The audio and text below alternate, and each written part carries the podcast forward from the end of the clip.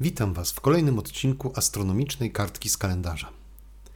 15 października 1829 roku urodził się Asaph Hall III, amerykański astronom, który zasłynął z odkrycia dwóch księżyców Marsa, Phobosa i Deimosa, w 1877 roku.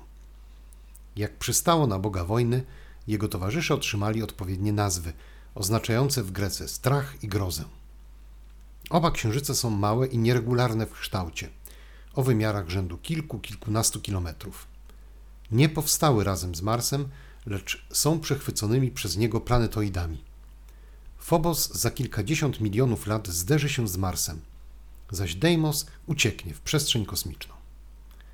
Asaph Hall, pracując w Obserwatorium Marynarki Wojennej Stanów Zjednoczonych, miał dostęp do największego teleskopu soczewkowego w tamtym czasie – o średnicy soczewki wynoszącej 66 cm.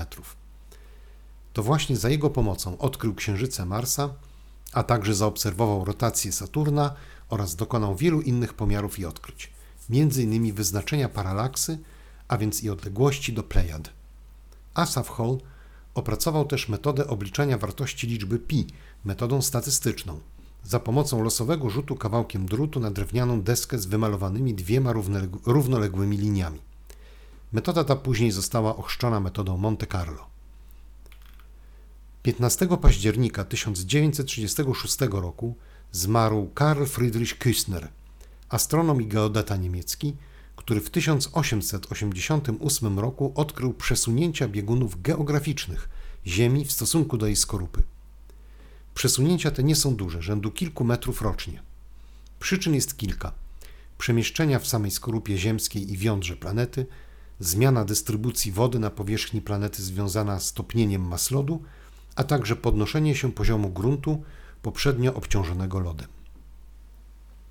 15 października 1991 roku w laboratorium wojskowym w stanie Utah w USA, w, USA, w Stanach Zjednoczonych zarejestrowano tzw. Tak cząstkę Oh my God, czyli O mój Boże. Energię cząstki oszacowano na 3,2 razy 10 do 20 elektronowolta lub inaczej na około 50 jouli. Jest to energia porównywalna z tą, jaką uzyskuje piłka tenisowa, gdy serwuje Iga Świątek. A pamiętajcie, że mówimy o mikro, a właściwie pikoskopijnej cząstce elementarnej. Nie jesteśmy pewni, jaka to była cząstka.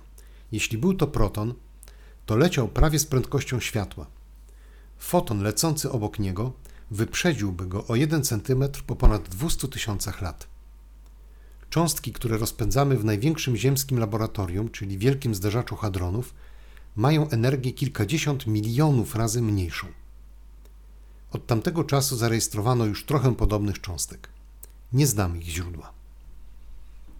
15 października 1997 roku rakieta Titan 4B Centaur wyniosła w przestrzeń kosmiczną sondę Cassini-Huygens. Była to wspólna misja NASA i ESA, a także włoskiej agencji kosmicznej.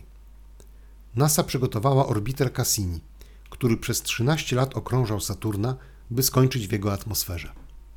Europejczycy przygotowali lądownik Huygens, który osiadł na powierzchni Tytana, największego księżyca Saturna, i transmitował dane przez 90 minut od momentu lądowania. Było to pierwsze lądowanie w zewnętrznym układzie słonecznym i pierwsze na Księżycu innej niż Ziemia planety. Misja w zgodnej opinii zakończyła się ogromnym sukcesem. Dostarczyła mnóstwa informacji o Saturnie, jego pierścieniach i księżycach. 15 sierpnia 2003 roku wystartowała w kosmos pierwsza w historii chińska misja załogowa Shenzhou 5. Chiny stały się tym samym trzecim państwem, po Związku Sowieckim i jego sukcesorze Rosji oraz po Stanach Zjednoczonych, które było w stanie samodzielnie wynieść człowieka na orbitę okołoziemską. W ramach misji Shenzhou 5 w kosmos poleciał jeden kosmonauta, Yang Liwei. Przy okazji ukuto termin tajkonauta, który mnie osobiście razi językowo. Podobnie jak w przypadku Związku Sowieckiego i Stanów Zjednoczonych, pierwszym człowiekiem w kosmosie był zawodowy żołnierz.